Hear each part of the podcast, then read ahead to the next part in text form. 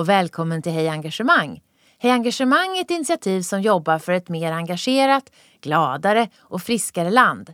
Vi vill att människor ska få möjligheten att jobba med saker de brinner för. Inte för att de måste, utan för att de vill. Tillsammans kan vi skapa bättre förutsättningar för ett ökat välmående och lönsamma prestationer. Med Hej Engagemang får du träffa inspirerande personer som ger tips och insikt i hur du kan nå bättre resultat på jobbet och samtidigt må bättre. Nu kör vi! Hej alla och välkomna till ett nytt avsnitt. Beata Wickbom, det är jag som är programledare. Och idag så ska vi prata om att skapa engagemang för digitalisering och lärande. Varmt välkommen Micke Ahlström, entreprenör, digital strateg och internationell talare. Stort tack, känns fantastiskt eh, kul att få vara här. Vad är det som är så kul att vara med i en podd? Eh, jag tror att det är just därför att man får lära sig väldigt mycket av vad man själv eh, uttrycker. Det ger en bra frågor, ger en möjlighet att få uttrycka bra svar. Du pratade om lärande redan ja, i introduktionen. Du har ju så många strängar på din lyra. Um, hur skapar du mest värde? Ja, eh, utifrån så kan jag nog tyckas vara rätt eh, spretig eh, kanske med ett antal olika verksamheter. Men jag tror att det är just den bredden, att jag får hänga i ett antal olika styrelserum på stora bolag, att jag får vara med studenterna på Hyper Island och se deras eh, lärandekurva, att få vara entreprenör och vara hos riskkapitalet ibland och så vidare. Att det gör att jag kan se synergier, jag kan se lite större sammanhang. Jag har nog byggt på med ett eh, ganska spännande nätverk genom året och en hyfsad stor ryggsäck med olika erfarenheter att eh, plocka ur. Mm. Och det kan nog generera lite värde här och var. Vad är det du är allra bäst på?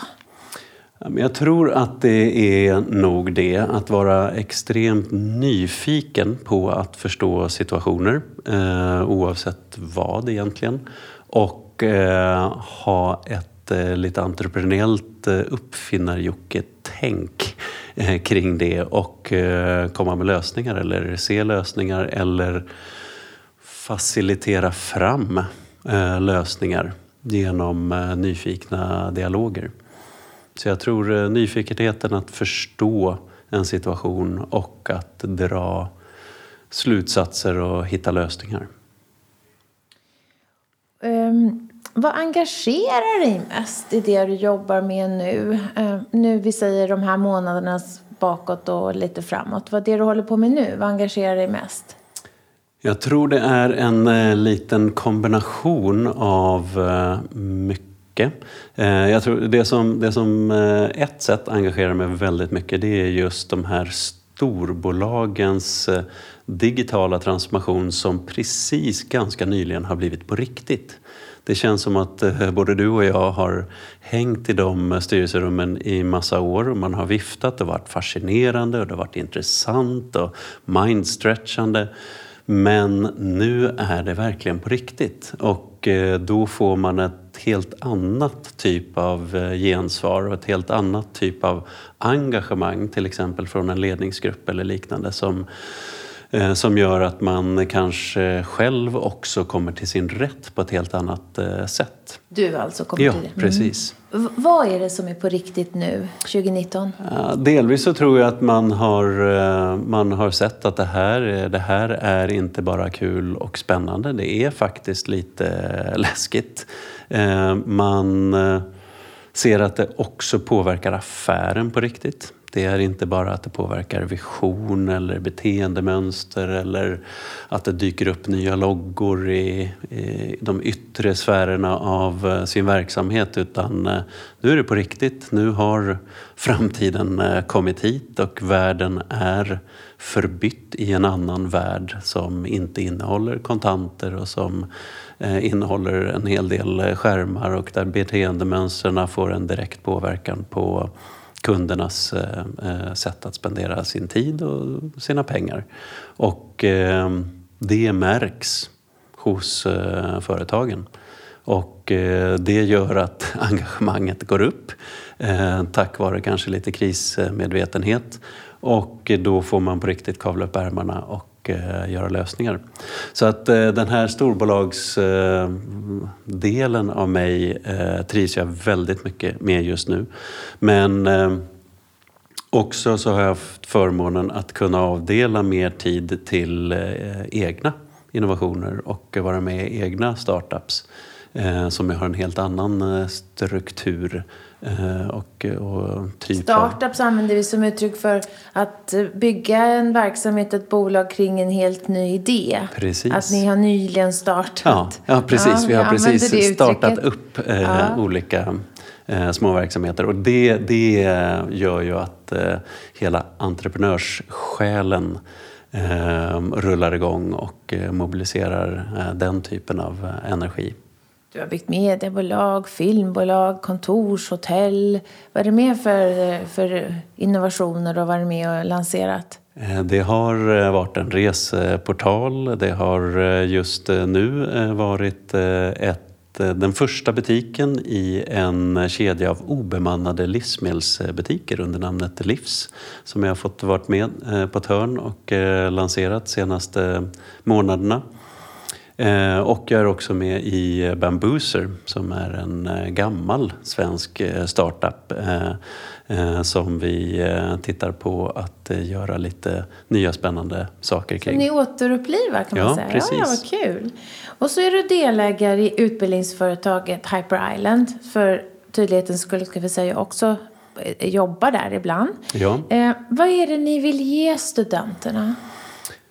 Jag tror att det viktigaste vi kan ge studenterna i den här tiden är eh, en framtidssäkring. Att eh, de ska kunna ta sig an alla de eh, verktygen som varje dag ramlar ner över oss i form, från, från de nya typerna av molnen. Alla tjänster, alla fenomen, alla tekniker och så vidare och se dem som sina nya superkrafter för att eh, lösa problem eller skapa innovationer eller utveckla sin kreativitet med eller skapa effektivisering eller vad man vill göra och att de eh, därmed kan eh, kanske också få stretcha sina egna drömmar och eh, känna att det mesta ännu är ogjort. Att vi har förmånen att eh, leva i en era där vi kliver in i någonting eh, nytt och där eh, varje individ faktiskt kan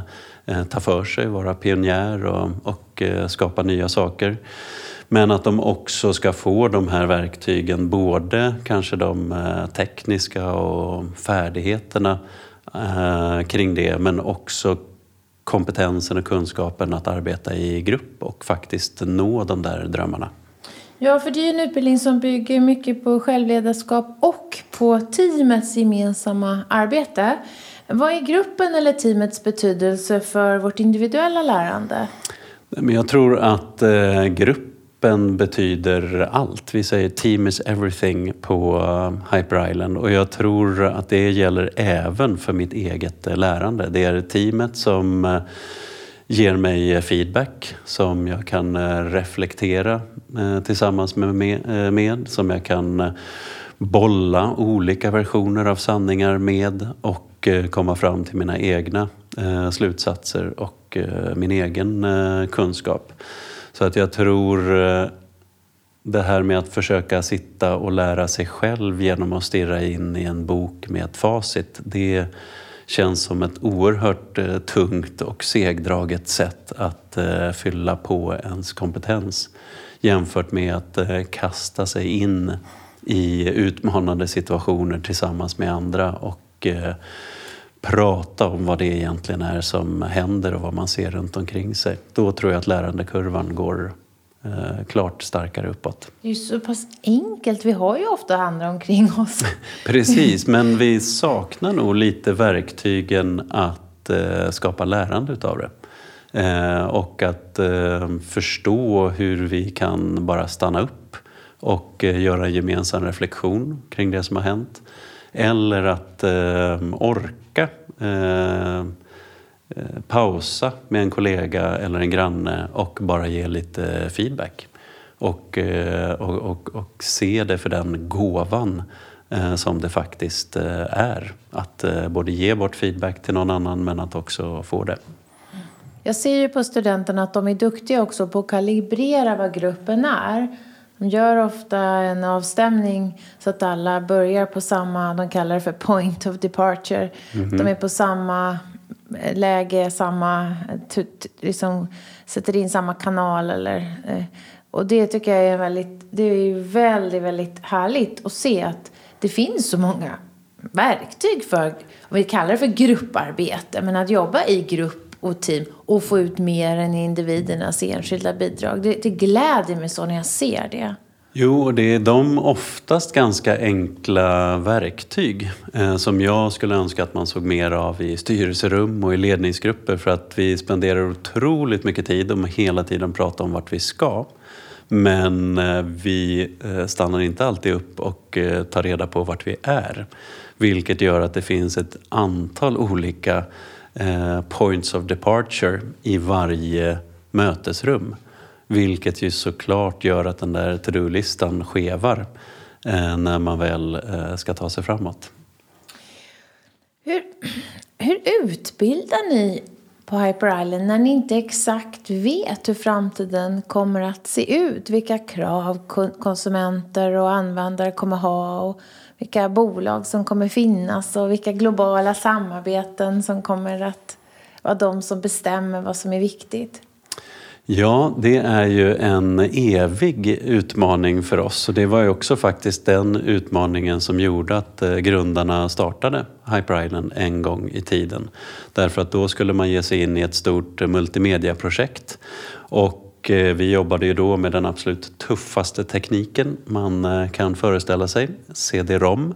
Men som tur var så anade man ju då att den tekniken skulle försvinna redan innan studenterna tog eh, examen. Ska du berätta för våra unga lyssnare, vad var CD-ROM? det var en liten märklig glänsande skiva där man sparade ner information för att sen snurra igång den och titta på en bild eller vad man nu hade lagt ner på den där skivan. Så att, ett lagringsmedium. Ett lagringsmedium, precis. Mm. Som eh, var oerhört tufft jämfört med disketten som vi hade strax innan. Men eh, så att utmaningen är ju hur hur utbildar man när förändringstakten är så hög? Och därför så har vi ju valt att eh, inte vara som en vanlig skola. Vi har ju till exempel inga egentliga lärare. Vi har inga klassrum, inga böcker, inga läxor, inga prov och inga betyg. Läxor har de mycket. Herregud vad de har uppgifter. Vi kallar det uppgifter, men gud vad de jobbar. Ja, de, istället för läxor så har vi ju deadlines. Eh, så att man har oftast en tydlig uppgift och en väldigt eh, tydlig och oftast lite skrämmande deadline. Ofta bestående av en jury, ibland med dig i den. Och Eh, Eh, med, med riktiga människor från eh, branschen och eh, folk från näringslivet som kommer svettiga direkt från senaste mötet och häver ur sig sina fräschaste insikter. Och sen kliver ju våra egna handledare fram och verkligen jobbar med ett designat lärande. De Eh, driver de här reflektionsstunderna. De eh, jobbar med feedback och eh, diskuterar vad det var som egentligen hände. Och, både ur ett, ur ett vad-perspektiv som vi säger med ämnesområden men också då hur gruppen reagerade, vem tog inte ansvar, hur kommer det sig att vi missade deadline och så vidare. Hur kändes det? Hur skulle vi ha gjort?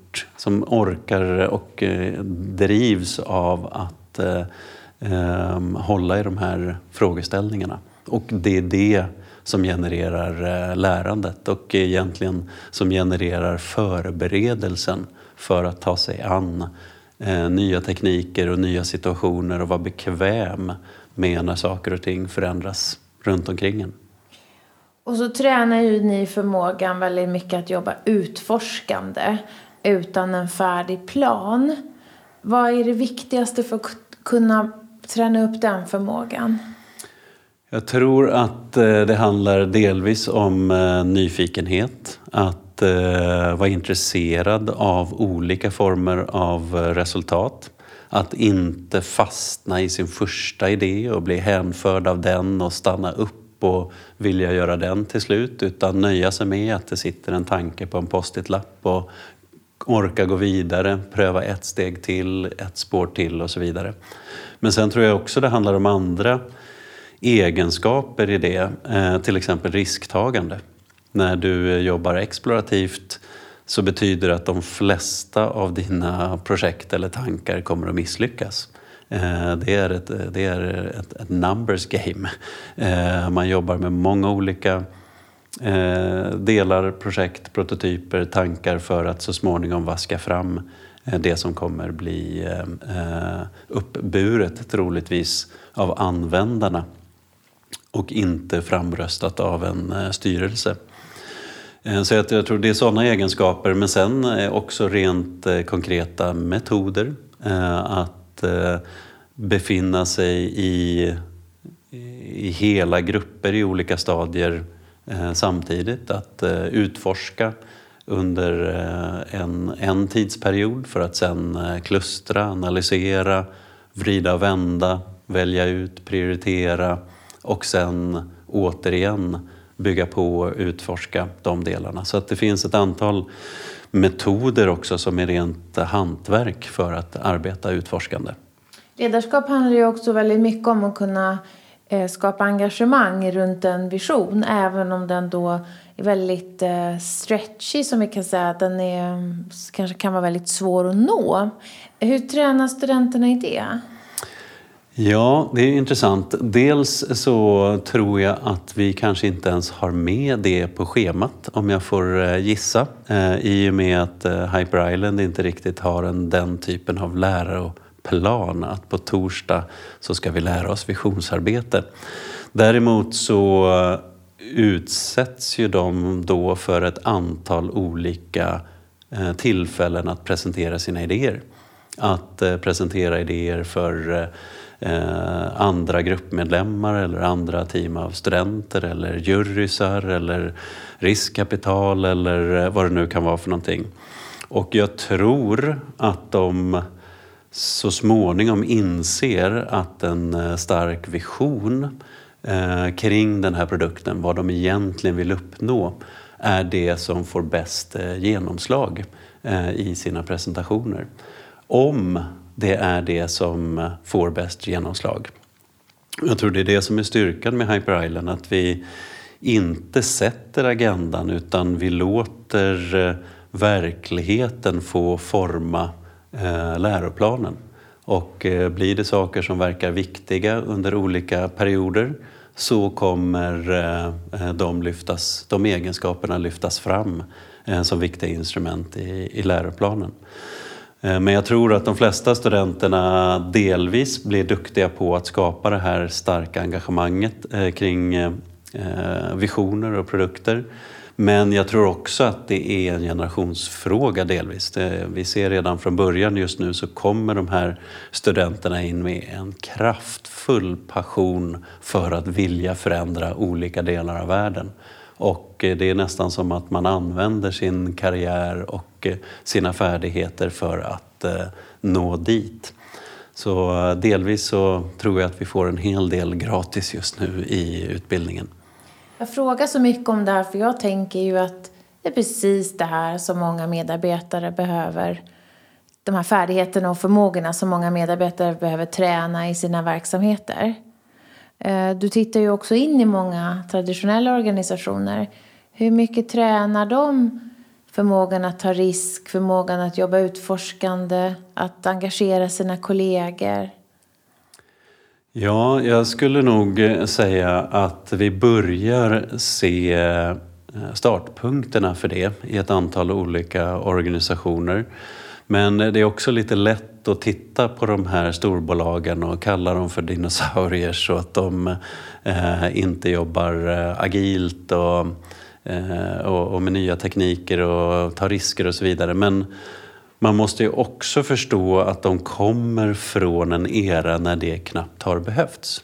De har drivit sina verksamheter oerhört framgångsrikt i relativt eh, stabila perioder med eh, framgångsfaktorerna att optimera och fine-tuna eh, de här organisationerna för kostnadsbesparingar och marknadsandelar och så vidare. Men helt plötsligt nu och eh, utan att det var någon som helst del av planen så möter de här stora organisationerna nu någon form av disruption.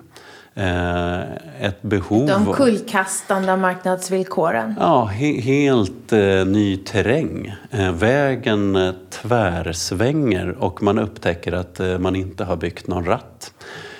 Och då måste ju de här silosarna i organisationen som har varit bra på att trimma sina egna kugghjul och maskineridelar helt plötsligt börja prata med varandra. Helt plötsligt börja på ett utforskande sätt ta reda på terrängen och eh, förstå eh, på vilket sätt man ska dra fram en, en ny riktlinje och eh, hitta vägen framåt. Och det här är ju ofta förenat med, med stor ångest. Eh, man har inte övat på det, man har inte rekryterat för det. Eh, man var inte kanske riktigt eh, beredd på det. Och det är kanske inte heller någonting man vill. Man tycker att det, det var... Det sista är ju väldigt intressant ja, att du säger. Ja, men det, det, det är oftast, det var kanske till och med bättre förr det var trevligare när media fungerade så som media fungerade. Eh, och eh, man var, var liksom intrimmad på att vara eh, vass som kompetens i, den, eh, i det landskapet. Och sen helt plötsligt så är det ett nytt landskap och det skapar osäkerhet och, och eh, eh identitetskris till och med oftast i, hos individer men hela organisationer måste börja omdefiniera vad är vi egentligen mm. om vi nu inte är en tidning. Vad är vi om vi är en bank? Ja, en bank utan pengar, vad är vi för någonting? Och hur ska vi skapa engagemang för den här förflyttningen? För alla som du säger vill ju inte. Nej, men jag tror att... Eh, alla medarbetare det, vill ju inte. Nej, nej, inte ens säkert att ägarna vill. Det, är, det, är, det här är inte någonting man kan skylla på någon del av organisationen utan det här är ett helhetsansvar att eh, förstå att eh, världen har skiftat och att vara relevant eh, i en framtid som ser annorlunda ut än nuet kommer på något sätt kräva att man själv också är anpassad efter den nya framtiden. Allt annat kommer troligtvis vara irrelevant.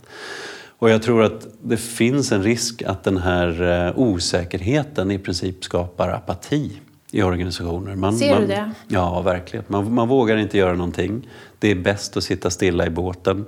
Eh, nu gäller det att inte få sparken och så vidare. Och eh, det, är ju, det är ju definitivt inte en bra strategi för att hitta rätt. Eh, men eh, samtidigt så tror jag att steget inte behöver vara så långt att faktiskt mobilisera energi kring det här.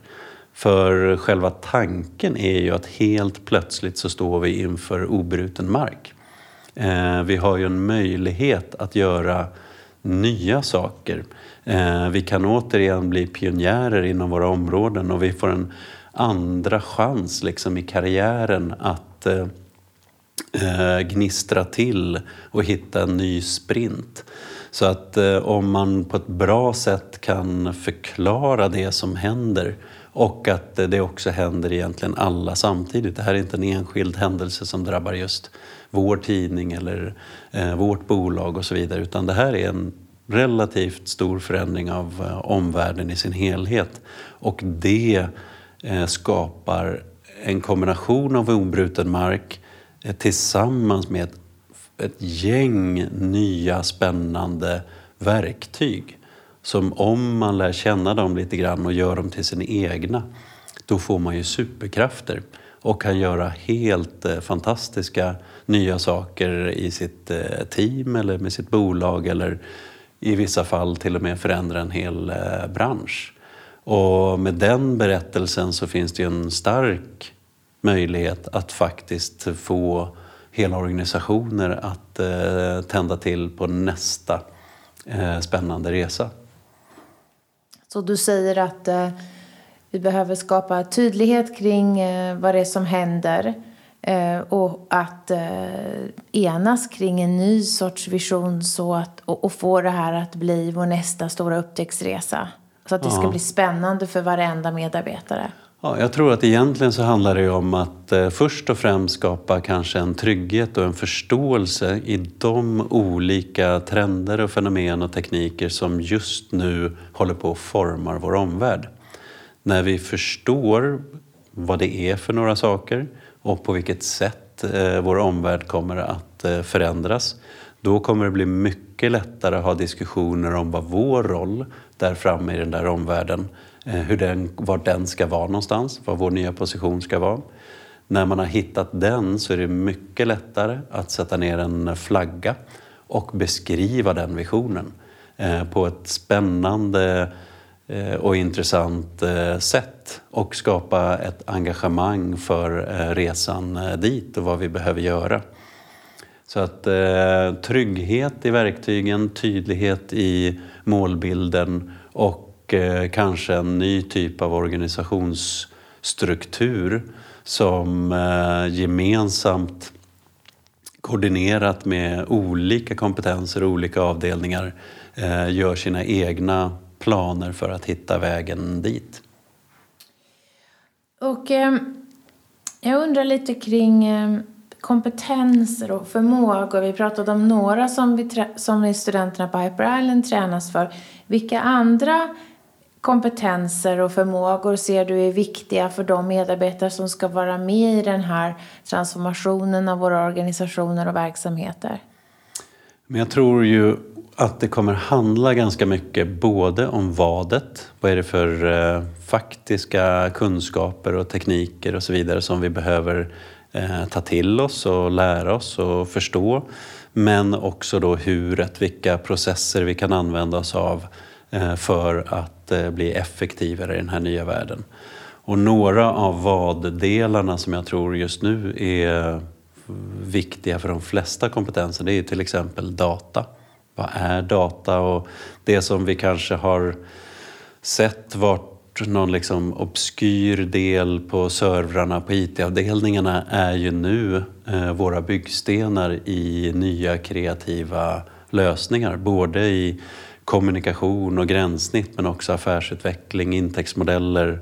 Eh, datat är ju på riktigt det, det, nya kreativa guldet om vi blir duktiga på att använda det eh, på rätt sätt. Och i en offentlig verksamhet kan det vara ett sätt att optimera till exempel resurser i kollektivtrafiken för att titta på rörelsemönster. Det kan vara system för trygghetsskapande. Så vi har ju det i alla delar av samhället. Ja, och jag har ju också eh, förmånen att få sitta med i Hack for Sweden som är ett regeringsinitiativ som just eh, syftar till att eh, frigöra all det här offentliga datat eh, som vi faktiskt har på våra myndigheter. Allt från SMHIs väderdata till Arbetsförmedlingens jobbdata och Rymdstyrelsens fantastiska data som kommer från satelliterna. Och eh, att eh, aktivera den i eh, samhällsfrämjande lösningar. Det är en nationell tillgång. Och eh, när man börjar förstå det, då mobiliseras ju återigen det här engagemanget att här är ju en resurs som vi inte använder oss av. Det finns ju oändliga möjligheter om eh, vi börjar se på det värdet som det faktiskt har och eh, inkluderar andra kompetenser som, eh, eh som antingen sitter på olika behov eller som har kunskaper att göra tjänster och liknande av det här. Och du sa också att en, en förmåga handlar om, om hur man använder nya verktyg. Säger du egentligen att förmågan att förstå hur tekniken kan göra en del av mitt jobb är en nyckelkompetens framåt? Ja, absolut. Jag skulle egentligen till och med formulera det som att eh, förmågan och kunskapen att lära sig. Att löpande lära sig av alla de observationerna man gör runt omkring sig och inte bara se dem som observationer utan att vara nyfiken på vad är det egentligen för infrastruktur bakom? Vad är det för mekaniker? Eh, vad är det för beteenden som det här genererar och vad är drivkrafterna bakom de beteenden och försöka sedan generalisera de insikterna på något sätt och titta objektivt på de här nya verktygen och fundera på kan jag använda de här i min egen utveckling eller i min verksamhetsutveckling eh, på något sätt. Och då upptäcker man ju att det, det är ju fantastiska verktyg runt omkring oss överallt. Men det kräver en, ett, en, egentligen inte så mycket annat än en, en lite ny attityd.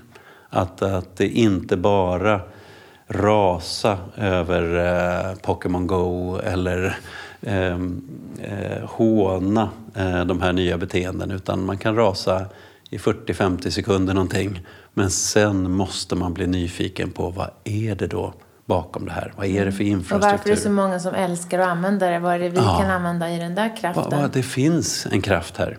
Låt oss, låt oss eh, analysera den och se om vi kan lära oss någonting av det här istället för att alienera oss eh, mot ett konstigt eh, beteende. För det, det, du säger att vi måste bli bättre på att lära och bygga vårt eget arbetssätt som passar det vi ska göra. Det har jag reflekterat mycket över att i industrin och i produktionen så finns det mycket arbetssätt som är beskrivna. Du samverkar med en maskin och du kanske har en lina du jobbar på. Men för kontorsarbete så är det ganska mycket att var och en får hitta på sitt eget sätt. Mm. Har du tänkt på det? Men nu mm. säger vi, det går inte att du bara ska liksom, sitta med ditt gamla arbetssätt. Arbets, att skapa ett bra arbetssätt i sig en sån riktig nyckelkompetens om vi ska få upp effektivitet och produktivitet och få AI göra en del av jobbet, få datan att visa vägen. Ja, och jag tycker det är ju, det är ju väldigt intressant för att eh, alla kan liksom gnälla i flera år på hur jobbigt det är med mejlen och att man ligger efter och att man inte liksom får ordning på, eh, på, på olika saker och kalendern och allt möjligt. Men det är väldigt sällan vi med glädje kastar oss in i det som affärsutvecklare och eh, frågar varandra, hur gör du och har du något tips? Och jag har sett det här eh, sättet och så vidare. Så att jag tror att kontoren borde fyllas mycket mer med den typen av eh, dialoger. För här har vi ju gemensamma innovationsprojekt för att eh, hantera vår vardag på ett bättre sätt imorgon än vad vi gjorde igår. Och det finns, tror jag, mycket oengagemang kring tråkiga... Eh, oengagemang skapas av tråkigt arbetssätt. Verkligen, det är nog en av de stora engagemangsdödarna. Eh, trassliga gränssnitt, långsamma system, eh, blanketter och allt möjligt som ska fyllas i. Som flytta data mellan olika flytta, system. Copy-pasta. Uh. Som eh, såklart gör att det är inte många idéer som överlever den eh, skärselden. När algoritmer och robotar kanske ersätter allt fler arbetsuppgifter, framförallt de tråkiga hoppas vi då, så behöver hela yrkesgruppers eh, kompetens lyftas till en ny nivå. Vi pratar ju om omskolning och mm. uppskolning och avlärande och nylärande. Hur tror du att kompetensutveckling och lärande kommer att gå till? Vad kommer vara mest annorlunda jämfört med idag? Jag tror ju att, eh, eller jag vet ju, vi ser ju redan nu att det gamla sättet att plugga ett antal år först för att sen vara kompetent och därmed leverera den kompetensen i arbetslivet Eh, till pension. Den modellen är ju helt eh, död. Det går inte att överleva en karriär eh, med det. Eh, det var någon som sa här för ett tag sedan att på en treårsperiod så är, är det ungefär 52 procent av ens kompetens som kommer att överleva. 42 procent måste bytas ut under den perioden och man kommer behöva ungefär 100 utbildningsdagar för att säkerställa relevans På hur många år? På en fyraårsperiod till 2022 i det här Så vi fallet. måste lära hela tiden, Så att, du? så att vi kan ju inte heller avsätta 100 dagar var tredje år eh, för att eh, plugga. Utan vi måste hitta sätt att få in det här hela tiden i vardagen och låta varje upplevelse egentligen bli ett läromoment och låta konversationer bli feedback och spännande diskussioner och observationer leda till insikter och så vidare. Och eh, för det kommer det krävas eh, nya typer av, eh, av, av arbetssätt och metoder. Och jag tror att vissa av de här yrkena där kommer det krävas att man lär sig nya saker ovanpå det gamla för att göra det mer effektivt och vassare på olika sätt. Men man måste nog också acceptera att en hel del yrken kommer helt och hållet att ersättas. Och de individerna, om jag har suttit i kassan i en eh, butik och jag blir ersatt av en handscanner så kommer ju inte jag göra något mer avancerat jobb eh, i den butiken. Utan jag kommer ju flytta ut ur butiken och behöva ha en ny karriär. Så att den omskolande utmaningen just nu i samhället kommer att bli enormt stor. Och eh, återigen så kommer utbildning och lärande vara en del som vi måste ta hand om, vadet. Men huret, alltså identitetskrisen som uppstår. Eh, hur ska vi skapa engagemang hos de här människorna att eh, se potentialen i sin nya karriär? Se det här som en eh, härlig knuff framåt till ett eh, rikare liv och med en mer spännande eh, tillvaro med, med nya kunskaper och så vidare. Det kommer vara en ledarskapsutmaning på nationell nivå när det här börjar ske i större takt framöver. Hur stort är det politiska systemet det?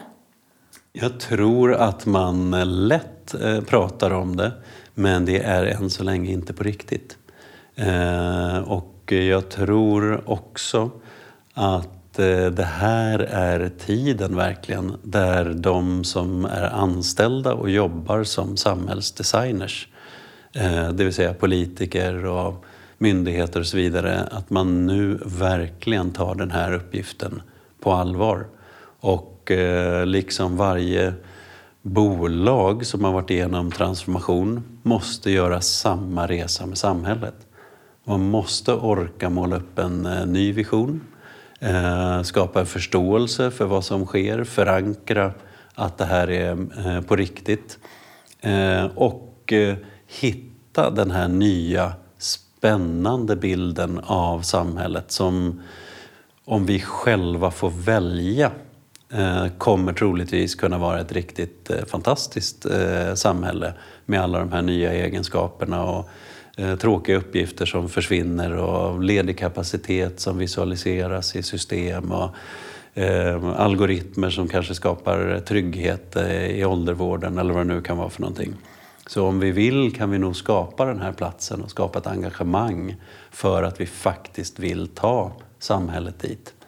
Risken är ju annars att några fattar det och några inte och så får vi ganska mycket samhällelig friktion. Vi får ett gula västar ehm, fenomen, eller fenomen, får kanske rörelse liknande den även här. Det här är ju väldigt, väldigt starka omvälvande kraft, samhällskrafter.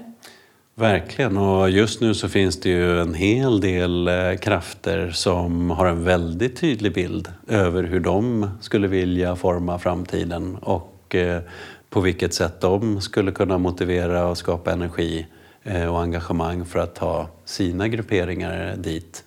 Och eh, jag tror att det går inte att passivt avvakta sig fram till en härlig framtid och en trans ett transformerat samhälle.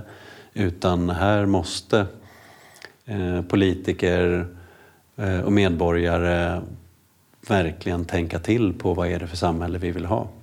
I Finland så har man ju sedan en tid ett initiativ att utbilda alla medborgare i AI. Mm. Det känner du till. Skulle vi behöva något liknande i Sverige?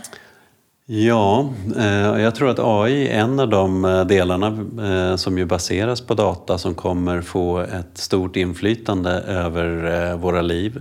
Och eh, som också är en eh, kraft som vi lärt oss genom filmer och liknande, kom, har, har en mörk sida som eh, skapar osäkerhet och nervositet. Så att jag tror att eh, verkligen är det viktigt att vi förstår eh, vad det här är, förstår kraften eh, i det, förstår hur det kan användas på ett bra sätt. Men också hur vi ska säkerställa att vi inte är för naiva när vi tillåter de här lösningarna att eh, ta sig in i Men våra en kunskapshöjning är väl alltid bra för att ge människor bättre förmåga att förstå ja, vad som är på gång? Jag tror att det, är, eh, det kommer vara avgörande för att vara en medveten medborgare eh, framöver så måste man förstå hur världen fungerar och AI kommer vara en av de komponenterna som eh, får framtiden att fungera. Du, du möter ju många ledare, du jobbar hos många organisationer och den här, den här osäkerheten och det här skiftet vi är inne i eh, skapar ju osäkerhet. Och mm. det, osäkerhet och engage, högt engagemang brukar ju inte riktigt hänga ihop. Eh, hur ser du på risken för att den här förändringstakten faktiskt sänker medarbetarnas engagemang och att vi hamnar i det här läget där du säger att jag gör ingenting, jag bara väntar. Vad kallade du det för? Ja, apati, apati nästan, ja. eller mm. passivitet. Ja. Och jag, jag, tror att risken är, är, är väldigt hög. Eh, man pratar oftast om engagemang i, i positiva stunder. Eh, vi ska, vi ska ha ett engagemang kring den här spännande förflyttningen eller kring det här projektet eller eh, vad det nu kan vara. Men det, det, är ju oftast i de svåra, utmanande stunderna som engagemanget hos medarbetarna är otroligt viktigt. Och den riktiga ledarskapsutmaningen är ju att skapa ett engagemang när det är svårt.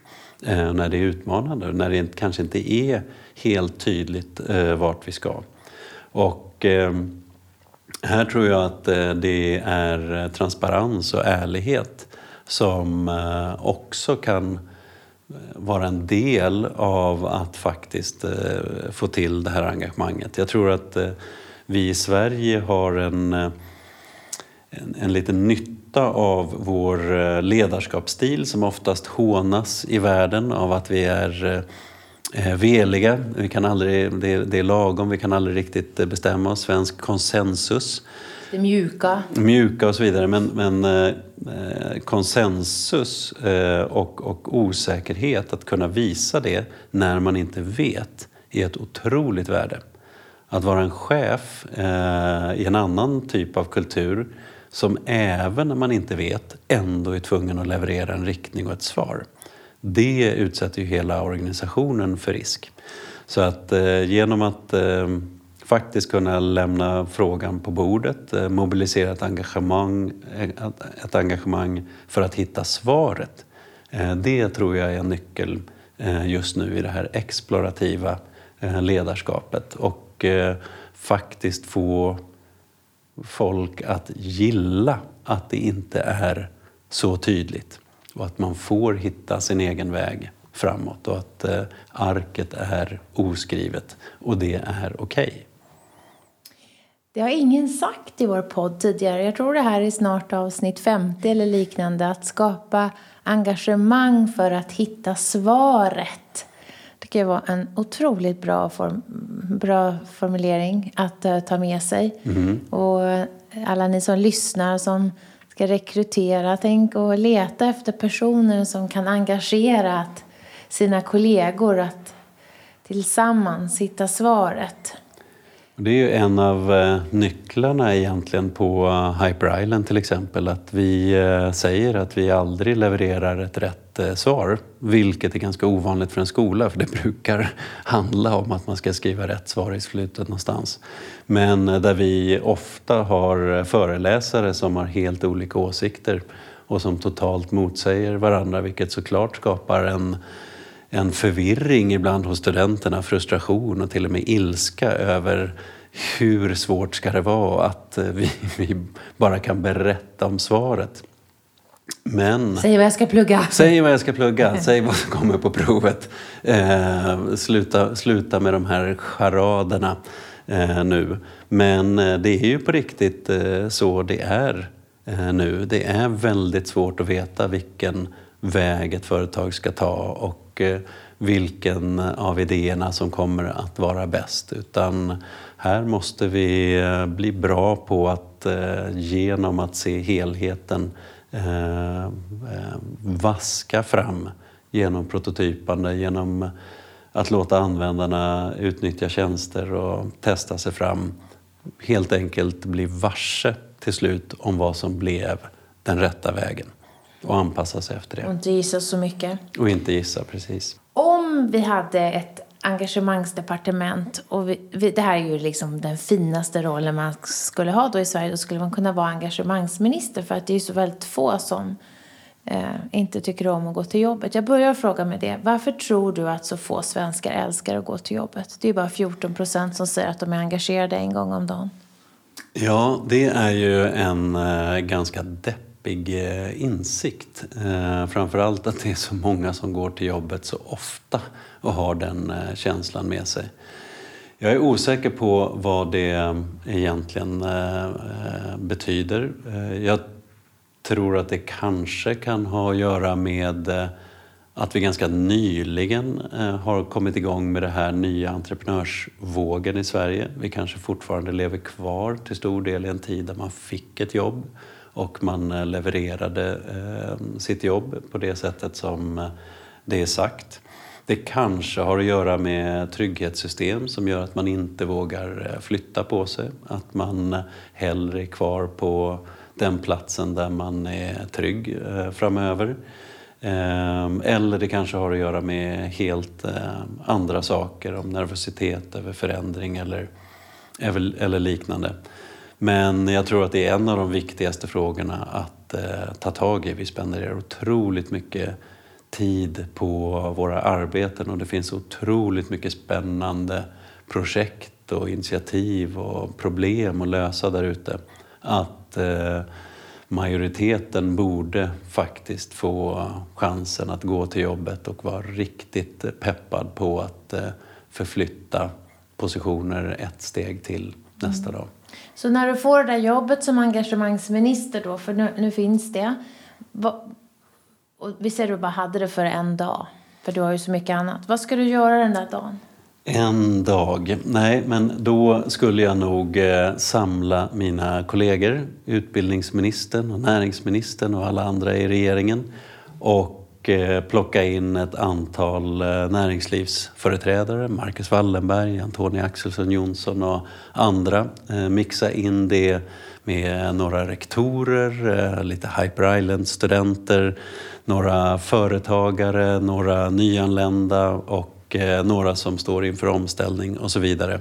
Och så skulle jag ha dig som moderator och så skulle vi göra en fantastisk design över hur vi skulle definiera eh, den här eh, framtida bilden. Vad är det för eh, samhälle vi skulle se? Skapa en extremt tydlig visionsbild över vad är det egentligen som vi vill åstadkomma som samhälle och hur ska de olika arbetsplatserna kunna arbeta fram emot den delen. Och sen så skulle vi jobba till sent in på kvällen och inte kliva ut förrän vi hade en plan för hur vi skulle ta oss dit som kändes som entreprenörsfjärilar i magen över att det här är ju faktiskt möjligt. Och eh, kliva och ut därifrån. Och helt fantastiskt eh, spännande. Och en känsla av att det här kan man faktiskt mobilisera energi eh, kring. Det skulle jag använda den dagen till tror jag. Som att göra det här? Det skulle vi faktiskt kunna göra. Känns ja. inte helt orimligt. Inte helt orimligt. Och ni lyssnare som vill vara med och bidra till en sån dag, hör av er. Känner jag Micke och mig rätt så kanske det här blir av. Tack Micke Ahlström för att du kom till podden. Tack alla ni som lyssnar. Ha det så fint och eh, ha en engagerad fortsatt dag. Vi hoppas att vi har väckt tankar om hur du kan bidra till ett mer engagerat Sverige. På hejengagemang.se kan du hitta mer inspiration och tips kring hur du som individ, ledare och organisation kan jobba för att skapa ett ökat engagemang, välbefinnande och nya resultat. Tack för att du har lyssnat!